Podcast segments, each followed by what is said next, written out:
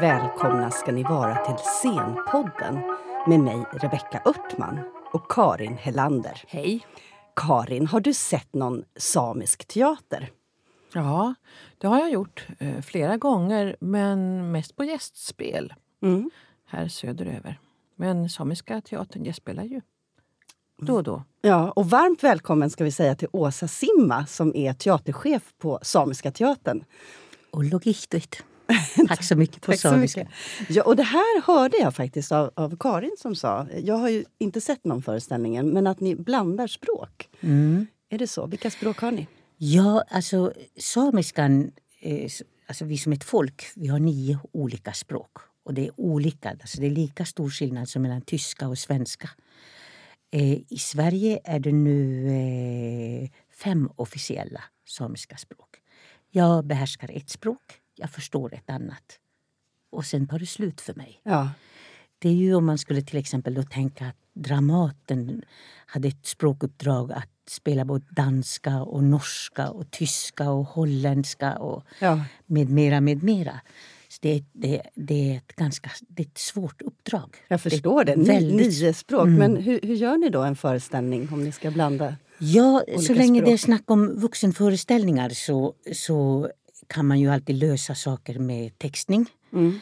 Och sen har jag ju en dröm om att det kommer att födas en stor stort tekniskt geni någonstans här i Skandinavien Ja. som hittar på en app Ja. så att man kan se på teatrarna, våra teaterföreställningar lite som Radioteatern. Ja.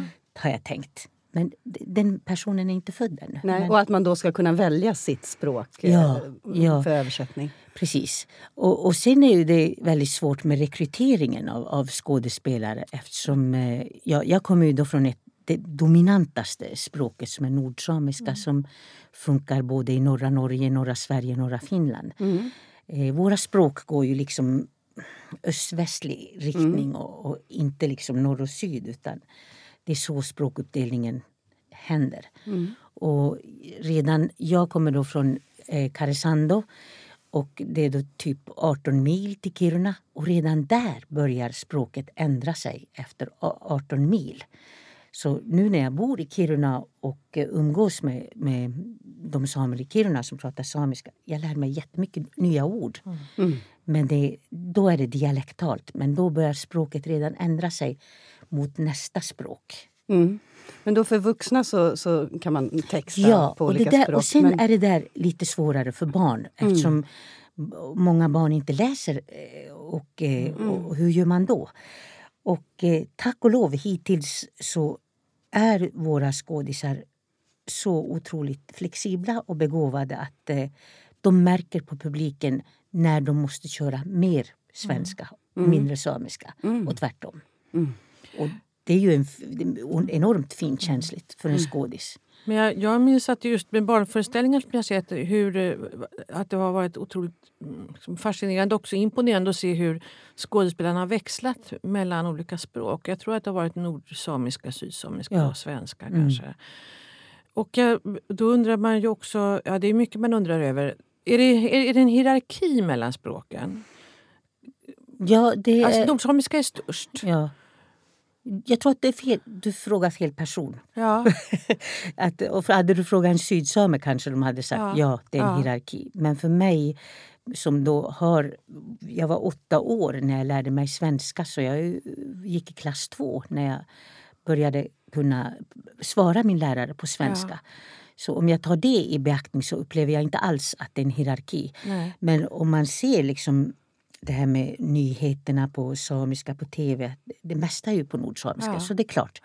Att sy- syns, syns man inte, hörs man inte, så finns man inte. Mm. Så Men du, sen finns det ju också flera dialekter har jag förstått. Alltså lulesamiska och det är piteå och ett un. annat språk. Och det är de du menar, de där nio, Ja, nio i, språken? inom mitt Ja. nordsamiska så skulle jag kunna säga att det, i det kanske finns, vad jag vet, om sju olika dialekter. I, Ja. I, och- inom liksom. Inom, och då Ja. är det också andra ord. Ja. Men grammatiken är exakt Ja. densamma. Men direkt när du går Men till använder ni de liksom dialekterna också då eller? Ibland? Ja, nu har jag, jag i, i min uppväxt och i, i, min, i mitt yrke som eh, kreatör så har jag ju levt och bott i, i inom det nordsamiska. Så jag kan väldigt lätt slå över till en annan nordsamisk dialekt och klara mig utmärkt. Men folk hör ju att jag har ett annat, en, annan, ett annan, en annan dialekt i botten. Och sen tänker man ju också att det måste ju vara en viktig del när ni rekryterar skådespelare. Ja. Och hur ser det ut? Och liksom, finns det en speciell utbildning? Nej, det finns Nej. inte en speciell utbildning. Och, och, och ehm, det är svårt. Men ni att, kräver av skådespelare att de kan något samiskt språk, eller hur ser det ut? Ja, vi kräver inte för att det, jag har ju själv också i, under min yrkeskarriär också jobbat ganska länge i Belgien och har- var tvungen att spela på franska. Eller tvungen, eller det, det var kravet. Men, och, och jag lärde mig att säga replikerna. Och sjunga replikerna Ja, ja. om man säger så. Liksom. Det är ju bara att lära sig dem. Men jag fattade ju inte vad jag sa. Nej. Men jag visste exakt hur jag ska säga det och uttala det. Så, och, och det tycker jag bör vara en sån sak som varje skådespelare ska kunna. Oavsett om man bara ska jobba inom svensk teater. För det kan ju hända när sen att du helt plötsligt hamnar i Hollywood. Ja, ja, visst. Och då måste du prata amerikanska. Så det, det, det handlar med musikalitet att göra. Att, att kunna använda sig av ett språk. Men Åsa, när blev du eh, kulturarbetare? När jag var nio år. Nio år? Hur, hur då? Ja, jag växte ju upp, jag är född 63, jag växte upp under 70-talet och eh, tack och lov så föddes jag i en familj där, där jojktraditionen var väldigt levande på min mammas sida. Och under den tiden så var det inte, det var inte tillåtet. Jojk var, det var liksom det värsta du kan göra. Eh, jag har sett folk som har blivit häktade 24 timmar, samer. För att man jojkade? Mm, officiellt. Alltså inte på scen då, men kanske liksom klämmer en trudelutt bak, i, utanför Ica. Och när, i, vad sa jag? Under 70 jag, jag 70-talet? blev då eh, rekryterad eh, av en samisk jojkare som tog mig på en turné när jag var nio år. Mm.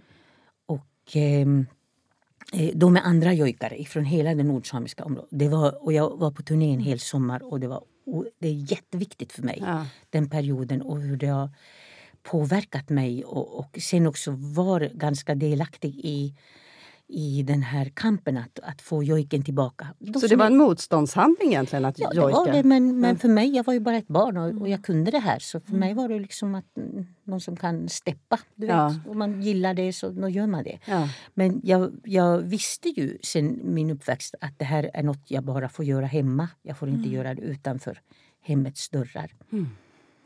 Och, och sen också tack och lov med ganska radikala föräldrar så hjälpte det. De stödde ju mig väldigt mycket. Mm. Så där började det och, och det har tagit mig då vidare eh, till teatern, till filmen, till författaren, att skriva manus och att, eh, ja, Så det var via jojken egentligen? jag skulle säga det. Och den präglar mig väldigt mycket i, i mitt sätt att tänka. Och kom, hur kom den till dig? Det är via min mamma och min morfar. Ja. Mm.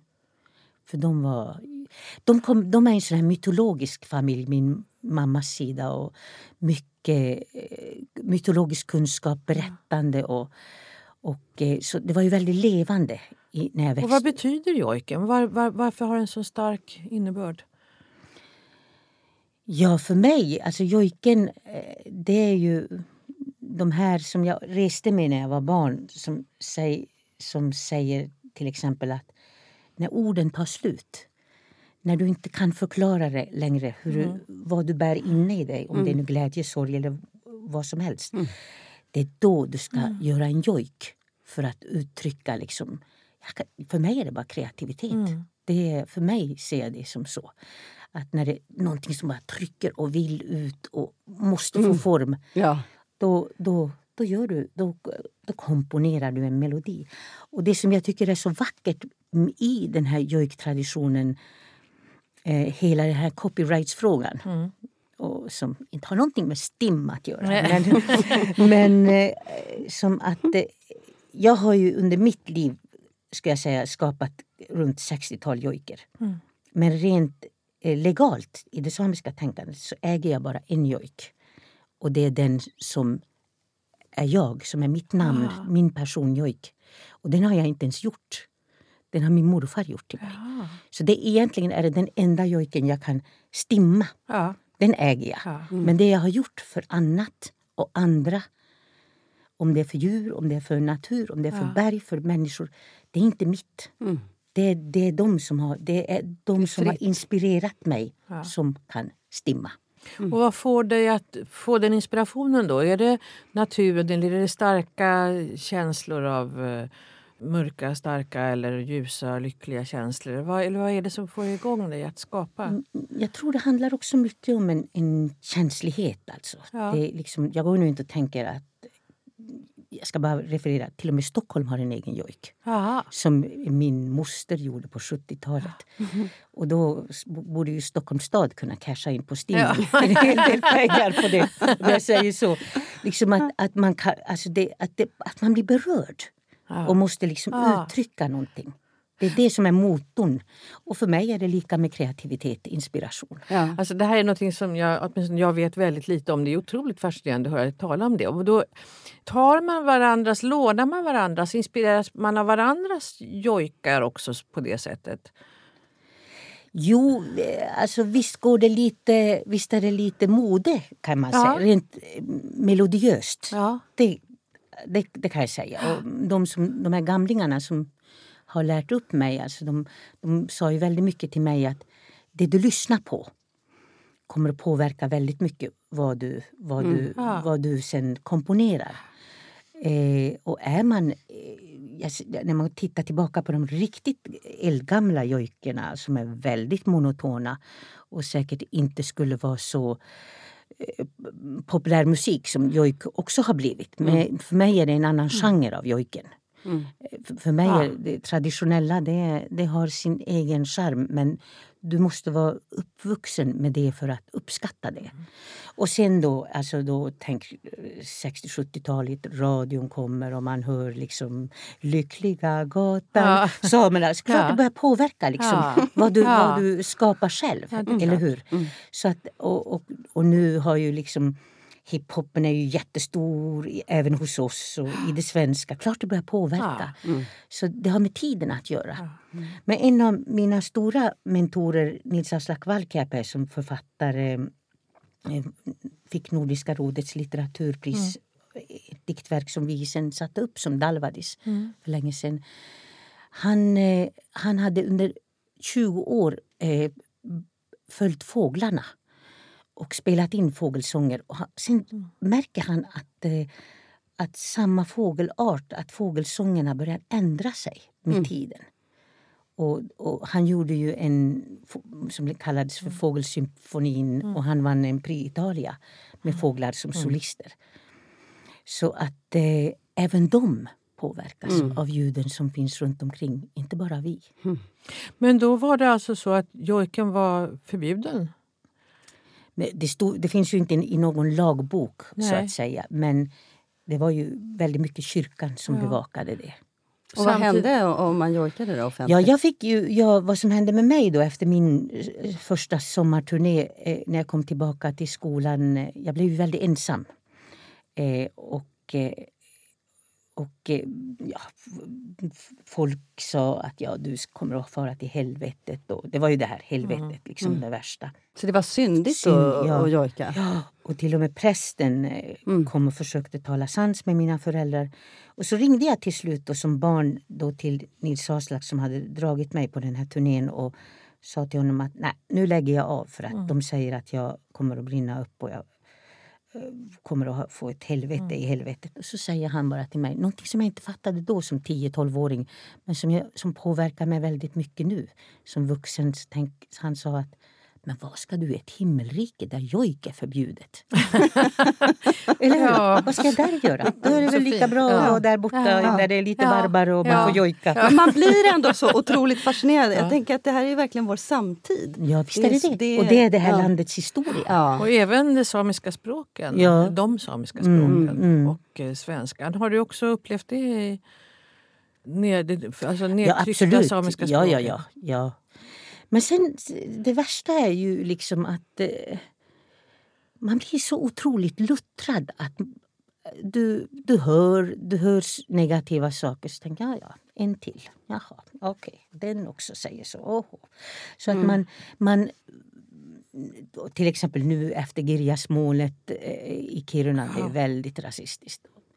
Jag bryr mig inte ens om när folk säger saker. Jag, för jag vet, jag vet vad, jag, vad vår kultur är och jag vet den överlevnadskamp som vårt folk har haft de tusen åren som vi har funnits i det här landet. Så känner jag bara liksom att det där, låt dem bara. Det är synd om er. ändå, se- har det ändå skett någon förändring tycker du, de här liksom, senaste decennierna? Jo, och jag brukar skoja eftersom jag då har sen 20 000 bott här i Stockholm så säger all, folk här, speciellt här söderut, men varför bor du här? Det är ju som så, det är så fint och vackert där uppe i norr. Så, men jag är ju på exil i Stockholm. Och, och det är lite så det är. För att det, det, här är det okej på sätt och vis, även om det inte är okej. Men det är mycket enklare att vara, att vara same här än att vara norrut. Men du, hur avgränsar man det samiska Sápmi? Liksom? Ja, geografiskt eller kulturellt? För det finns ju inga absoluta gränser vad jag förstår. Utan det har väl med geografi Ja, men det är med, jag skulle säga att språk, språkgränserna Ja, är, ja. Ju, är, är ju väldigt tydliga gränser. Precis. Eh, Språk, kultur och historia? Eller? Ja, men vi har ju en gemensam historia om, om man tänker på oss som ett folk. Och den historien, rent kulturpolitiskt, så delar vi ju med massor med andra urfolk i hela världen.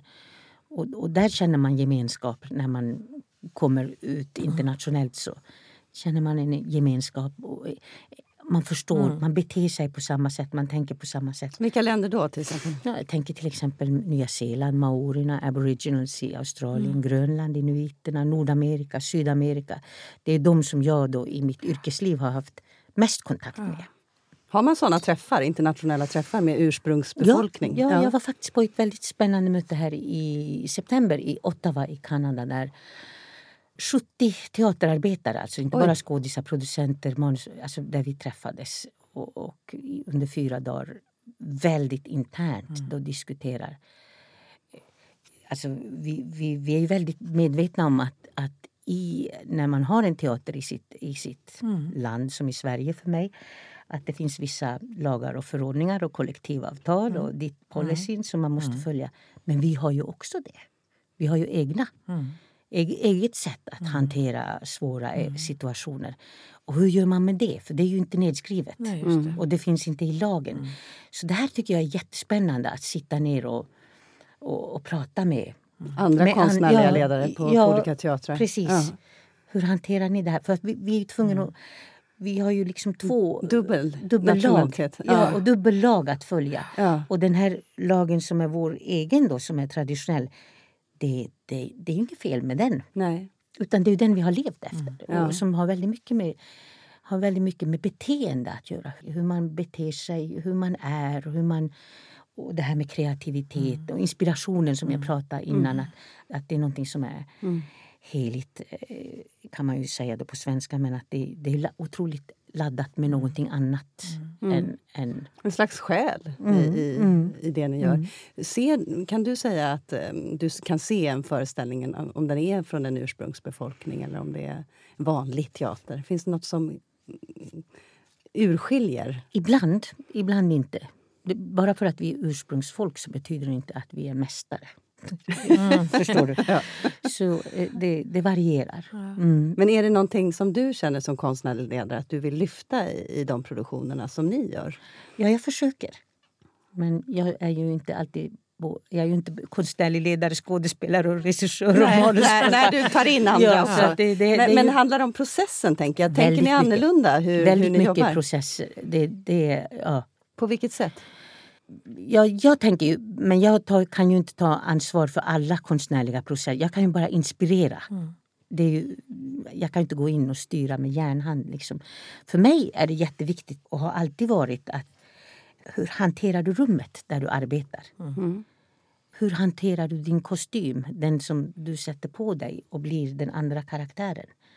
Hur hanterar du det? Liksom? Hur, hur Slänger du det bara liksom ovanför soptunnan och sen hoppas att någon, någon städare plockar kommer upp. och hänger? Ja, så, alltså, för mig är, är det här det, det är ett levande rum, det är en helig plats. Är det lite teater eller scenkonst som ritual? Är det lite något... På, på sätt och vis, utan att bli det på scen, men, Ja. men som lite rituellt då för dig, att för, hur du förhåller dig till En värdighet Ja. låter det som i, i formen, eller medvetenheten om. Mm. Att allt Tingen. har ett värde. Ja. Mm. För jag, i, egentligen när jag tänker, alltså, nu säger jag konstnärens, för det är inte bara teater. Alltså, alltså det som är den enormt svåra uppgiften som nästan är omöjlig, som, är, som jag, om jag skulle säga vad, vad är det vi gör? Vi som är kreat, jobbar som kreativa, alltså vi, vårt jobb är att göra det osynliga synligt. Det kommer en idé. Och jag ska då manifestera det kanske med ett manus. Och det är svårt. För idén är alltid otroligt förädlad jämfört med det som kommer ut. Det är ju grovt det som kommer ut i, i, i skapandet. Så där, där känner jag den här att, den här att om man har en viss hållning så, så, så det intuitiva, det, liksom det som gör, gör sig själv, det som jobbar av sig själv med bara min närvaro i processen. Eh, det måste tas Det hand om. låter som en slags respekt också Ja, inför det det. materialet och Mm. processen. Men du, hur, vilken typ av material har ni? Alltså idéer? Eller har ni liksom dramatiseringar av böcker eller klassiker eller nyskrivet? Eller hur, hur, vad gör ni för sorts föreställningar? Ja, det, är- det är väldigt varierande. Alltså då, då, när, vi, alltså då när, vi, när jag började med den samiska teatern, så, när det var en frigrupp som hette Dalvadis på 90-2000-talet, då hade vi ju sällan manus. För det fanns liksom inget, men vi hade en idé.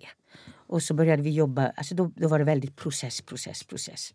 Och det är ju även i, nu på Och vilka teman var det då? Var det teman som, ja, vad var det för typ av teman som de här idéerna tog tag i? Jag kommer ihåg, det fångade var upp? en föreställning som vi... Vi hade en titel när vi börj, började. Så, och, och var det någon, någon i gruppen som sa Hörni, har ni tänkt på det? att Det sägs att det, det tar åtta minuter från, från solen innan ljuset når ner till jorden. Och så, så kallade vi processen åtta minuter från solen. Och så började vi jobba alltså, runt det här. Åtta minuter, ljusets och färdigt hit. Vad, vad om ljuset blev stoppat i en spärr och det tar tolv minuter? Vad skulle hända? Alltså, alltså, och då, då byggde vi liksom eh, väldigt så här Ja. fragmentariskt men ändå fick ihop det så att, att det höll ihop som en, en föreställning. Och en av dem, det här var, då var jag väldigt ung och kanske en av de större projekten eh, som Dalvadis hade när vi gjorde ett snöspel Ah. som vi spelade utomhus i, under Jokkmokks marknad. Det här var långt innan ishotell och sånt Ah. där lyxigt Ja. finns. Så, och, och det var ju stor revolution att, Ja. att, att man kan För ni var mycket i Jokkmokk, var ni inte Ja, det? det, Dalvadis betyder, det är det samiska namnet för Ja, Jokkmokk. just det. Så det, där, det var där det började. Ja. Och, och egentligen började eh, som en motståndsrörelse på 70-talet. Och då var jag, jag bara nio år så jag var inte med i de, först, de första tio åren. Då höll ju Vattenfall på och dämde jättemycket i, i Lule älv, Jokkmokksområdet. Så det var ju liksom temat väldigt mycket, det här motståndet mot att Så det är naturen... en ganska politiska... Ja. Du, det slog, jag läste någonstans att du hade också en teaterutbildning på Tukak. Ja, i Danmark. I Danmark. En, eh, Och- som var en... Är inte det en grönländsk? Ja, För att precis. jag, jag har ett minne av att jag såg dem på en teaterfestival för väldigt länge sedan. Någon gång på 70-talet måste det Mm. ha varit. Och att det var en uppsättning, jag minns den fortfarande. eh, Och den handlade mycket om Grönlands historia. Mm. Och var också ganska politisk. Den var väldigt lekfullt gjord med mycket fysiska uttryck Ja, det var- och sådär. Men, men, men, det Åsa, var- var... Var, Åsa, var du Jag kom dit i mitten på 80-talet. som, som eh, chef? Eller som, nej, nej, nej, men som elev. Som För elev? jag tänker, ja. du måste ha Ja. fått mycket av den dit Ja, ja, ja. komma. Och det, var ju, alltså det är ju en, en, en förgrening av Odinteatern helt Ja, just enkelt. det. Och, eh, och, och var liksom eh, under den danska teaterhögskolan, under teaterlagen som en godkänd utbildning. Så jag åkte dit och fick Ja. CSN-lån och grejer. Ja. Och samtidigt började de ta in andra ursprungsfolk. Det var, vi var tre från, de var tre från Ja. Kanada, sen var det jag som var same, sen var det en från Sydamerika. och resten var från Grönland. För den jag såg var också, var därför jag tänkte på den, var också en motstånds... eh, Det var verkligen en motståndsuppsättning men som var väldigt lekfullt gjord. Men om, om Grönland. Ja, det stämmer. Mm. Men du, eh, har ni samma politiska eh, liksom, fokusering nu på Samiska teatern som ni hade på Dalvadis? Ja, men det är också så, jag ska inte säga att Dalvadis bara höll på med politisk teater utan det var ju, vi jobbade också väldigt mycket poetisk teater. Ja, det förstod ja. med solen. Ja, och, och det här med, med att bygga upp bilder. Ja. Och, och då var, och eftersom jag då kommer från den fysiska teatertraditionen då var det ganska enkelt att passera den här språkbarriären. Just det. Det, det tycker jag var enkelt. Men sen är ju det, det, den, den kan ju bli väldigt svår eh, för folk som inte är van med teater. Att det, det blir väldigt abstrakt, eller hur? Och kräver ganska mycket också från skådespelarna rent närvaromässigt. Och det är ju nästan som dans. Alltså. Det kräver ju en, en fysisk uthållighet och, och, och allt det här. Så jag skulle inte säga att det är bara politisk teater vi gör faktiskt. Hur ser uppdraget ut? Måste ni, eller hur många föreställningar ska ni? Och vem ger er Ja, uppdraget? uppdraget, Det är ett ganska starkt språkuppdrag eh, i regleringsbrevet. Att, eh, att, att, och det har ju Dramaten också. Det är Mm, inte ja, ja, konstigt, eller hur? Att värna och utveckla. Liksom, Språket. ja, skillnaden är bara att för mig står det de samiska språk. Ja, just det. Precis. Så ni, för, ni, ni ska liksom använda det dem är så? ju självklart. Ja, ja. Så det är ju självklart. Och sen om man tänker liksom rent så här. Nu har jag jobbat ganska länge i filmbranschen också. Och, och, och, och just filmmediet är ju väldigt attraktivt för unga. Eh, och, och, och, och hörs inte det samiska för dem så, så, så, så är det ett språk som inte är levande. Ja, just det. Så det är en enorm balansgång utan att bli språkpolis men att, att, att, att uppmuntra. Vi har ju lyckats med, med ett fantastiskt projekt eh, som är för barn och unga eh, som heter Språkcirkus. Som egentligen mm, föddes av en, en, en samisk eh, ung kvinna som då har jobbat med samiska språk och, och sen säger bara Ja, men hallå, det liksom, barnen de tycker ju det är stentråkigt att sitta och lära sig samiska från böckerna. Vi måste få in kroppen. Vi måste liksom, det måste bli liksom något annat än att sitta i en bok och sitta still. Så då, då gjorde vi ett, eh, ett experiment då, som blev väldigt lyckat. Och som, där Språkcirkus då, med hjälp av cirkustraditioner att jobba med det samiska språket. För där är alltså att jonglera. Det tar lite tid. Det Ja, misslyckas ja, ja, lite. visst, Mm. och till slut kan du det. Ja. Och det är så med ett språk också. Mm. Och det sätter sig i kroppen på ett annat sätt när du har kroppen med dig. Mm. Turnerar ni då med en sån föreställning? Ja, den är väldigt populär och den har blivit liksom fast eh, i vår repertoar. Ja, och då möter ni upp eh, skolklasser? Eller? Ja, Hur ser det det är ett pedagogiskt projekt. Det är, inte Ja. bara, det är en liten föreställning men sen är det ett arbete med barnen i två, tre dagar. Mm. Runt omkring. Ah, Ja. okej. Och sen det som är så roligt med det här, för att vi bestämde då väldigt tidigt att okej, ingen pratar svenska. Så att alla, nu, vi har till exempel en cirkusartist från Tyskland och så två samiska tjejer som är på turné. Så ingen pratar svenska utan det är då lite tyska och så nordsamiska och sydsamiska. och, och då, Öppnar det upp? ja det händer ju någonting Ja. när du glömmer bort det här majoritetsspråket. Varit med om fantastiska såna här eh, ett barn som då har vuxit upp här i Stockholm och har pratat hemma, eller eh, mamman har pratat samiska med barnet men barnet har svarat på svenska och går på den här vår språkcirkus i tre dagar och börjar prata samiska. men barnet Ja. kan ju språket. Ja. Att Men lämna ner. Ja, visst. att, men att, Att våga använda det att också? gå förbi den här barriären. Ja. Men du, är det mycket språkförbistring annars i vardagen? Så? Eh, det är klart att om nu helt plötsligt här i Sverige om, man all, om samiska blev ett dominant språk och du börjar höra mindre och mindre svenska. Någonting händer ju Ja, med såklart. språket, eller hur? Jag skulle inte säga språkförbistringar men, men just det här att ett barn lätt kan börja associera att språket är bara något som lever hemma. Mm. Inte på affären, inte på posten, inte hos tandläkaren. Inte Mm. på Försäkringskassan. Alltså, så där, alltså Ja. då, blir det olika Ja, världar. I olika boxar. Ja. Liksom. Mm. Men så någonting som vi har pratat om, men som jag, eh, man kan höra lite mer om, tänker jag. Det är alltså det här fysiska uttrycket och kroppens och rörelserna som då sätter sig över så att säga, den verbala språkförbistringen eller språk, eh, språkbarriärerna och så. Och som du, ni jobbar med. Men finns det också någonting i, den sam, alltså i, trad, i samiska traditioner av dans till exempel som ni kan inkorporera eller som ni arbetar med? Finns det såna? Ja, det, det finns ju eh, fortfarande eh, en del anslag av, av dans, i, speciellt i, i jojken och, och det har ju funnits. Men, men sen är det, man måste ju komma ihåg att den, den eh, spirituella kolonialisering som samerna har gått igenom det är mycket som har försvunnit. Ja. Eller, eller som jojken när jag växte upp, den, den var ju underground. Alltså det, var ju, det var ju hemliga samhällen som, som, som praktiserade jojk. Det var ju inte så att jag kunde gå till varje hus och, och höra jojk utan jag visste där, där lever Ah. den, där lever den, där lever den.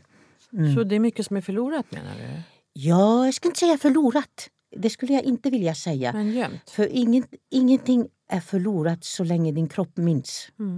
Är En helt annan fråga. Uh, Hur är det, med, det, det är bara en okunnighetsfråga. Hur är det med skriftspråk med samiskan? Är det Det är, olika där också? Eller? de som är äldre än mig ja, skriver och läser helt flytande. ja, Det gör inte jag. nej. Det är lite taffligt för mig. Jag gick då, då under 70-talet och då fanns inte språk, alltså läs och skriv. Den fick jag först när jag var 12 år. Och sen efter det, när jag lärde mig, så ändrades ortografin två gånger. Oj. Så Ja. att det jag har lärt mig, eh, sättet att skriva, är obrukligt i, egentligen. Men jag kan, men det tar tid. Det tar oerhört tid för mig. att Jag måste nästan sta, ljuda Ja. mig fram som en, en, ett barn i klass två. Och då får jag till det. Jag har ju ett ordförråd, jag har ju ett språk men det är, det är svårt för mig att skriva. Men du, finns det andra samiska teatrar i eh, Sverige eller de andra nordiska länderna som Ja. ni samarbetar med? Eller som du vill... Jo, det finns ju en teater på norsk sida eh, uppe i Kautokeino, Nordnorge. Och där har jag faktiskt jobbat som ung.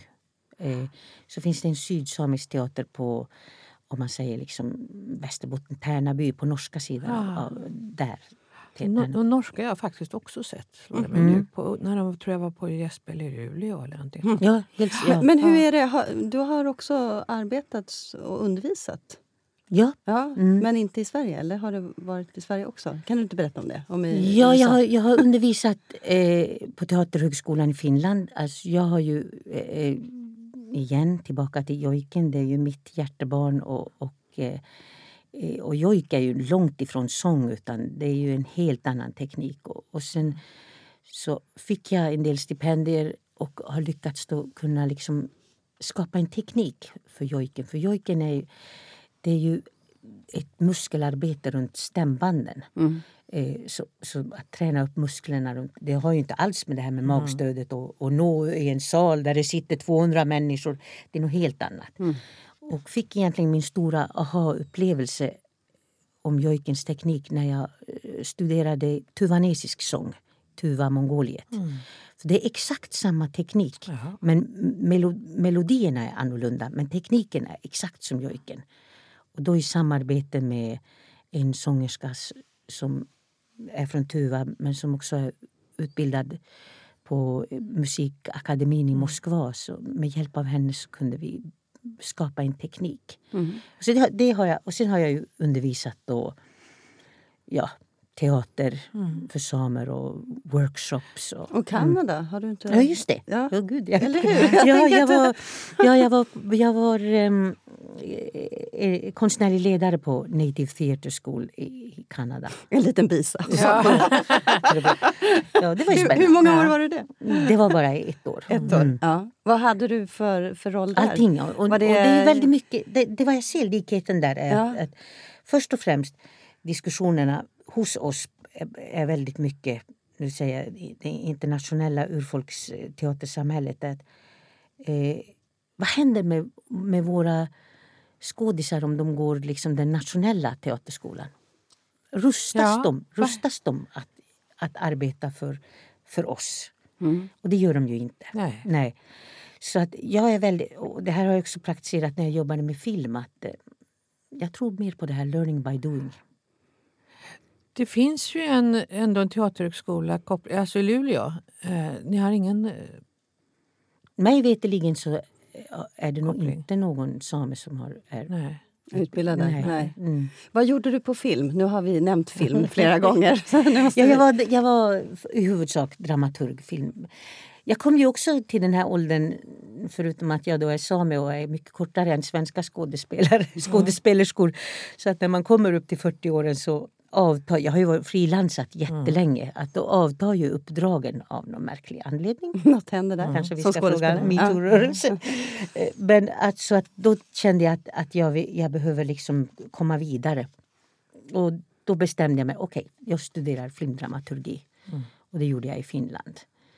Och, eh, och har jobbat med, med det i ja, 12-13 år. Mm. Sameblod Sameblod bland annat. Ja, som fick så otroligt genomslag. Och Mm. Vad har det betytt?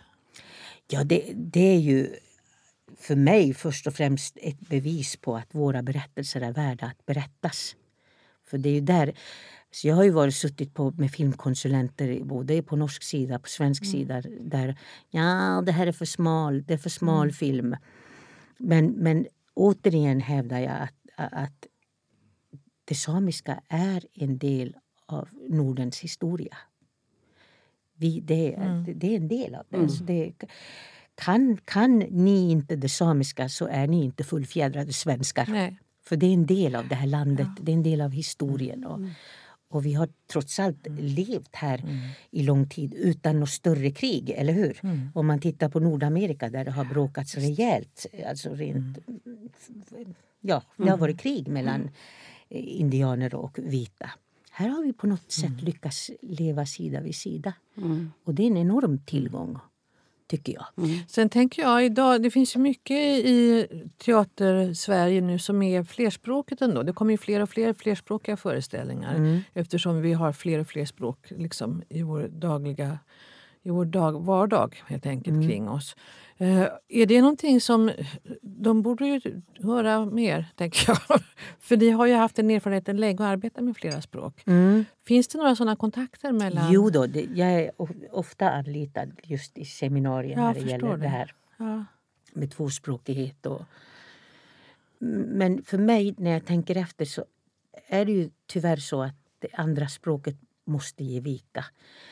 Och då är det ju majoritetsspråket som vinner. Och, och, eh, för samtidigt, med, vi är en samisk teater men, men vi, en produktion är ju, kostar en hel del att sätta upp. Vi är ju en turnerande teater, kom ihåg det.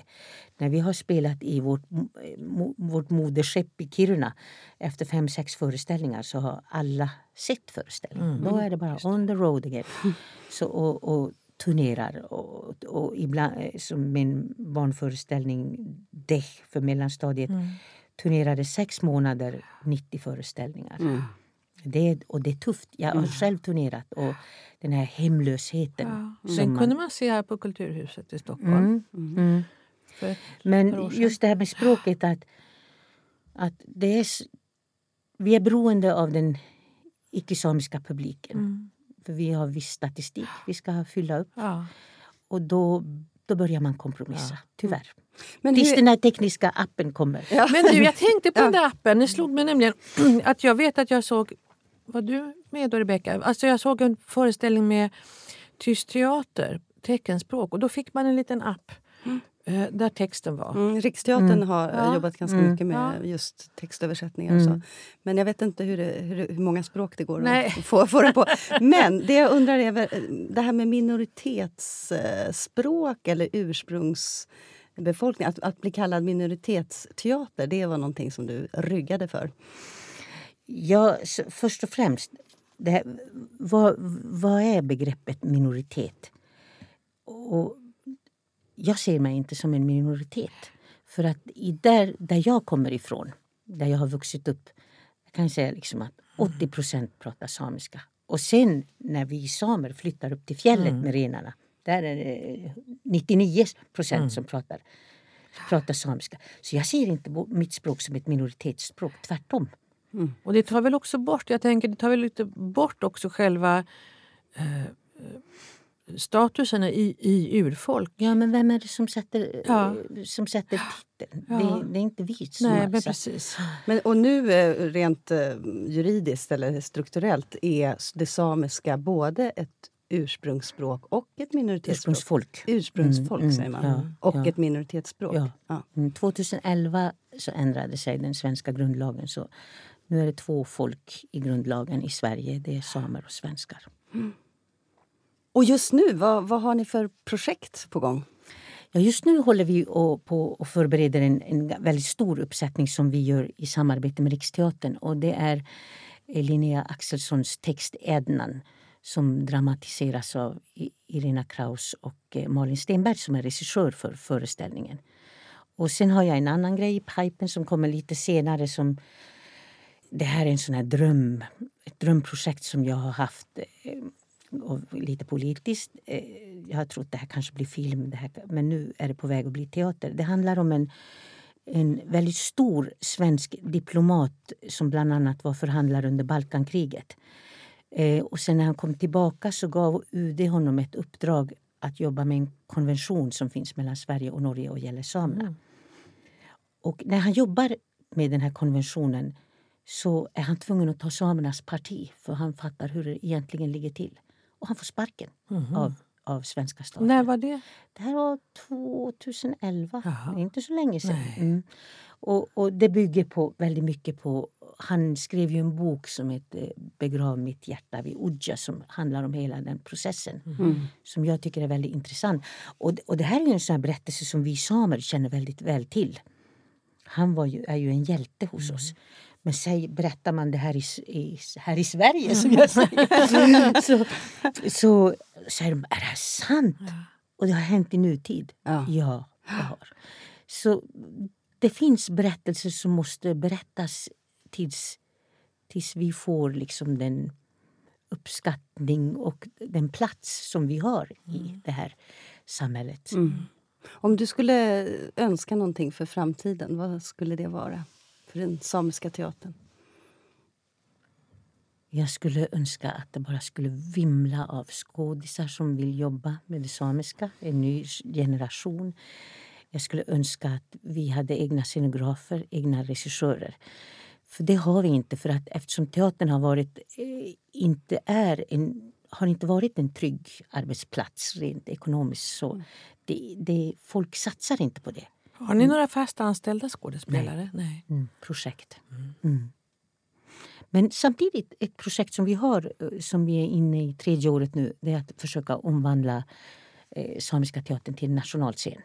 Och vi är inne det sista halvåret i det projektet. Tack Åsa Simma för att du kom till Scenpodden och pratade om den samiska teatern. Och tack Karin. Tack. Tackar. Ni möter oss igen om ett par veckor. Då med en ny spännande gäst. Missa inte det.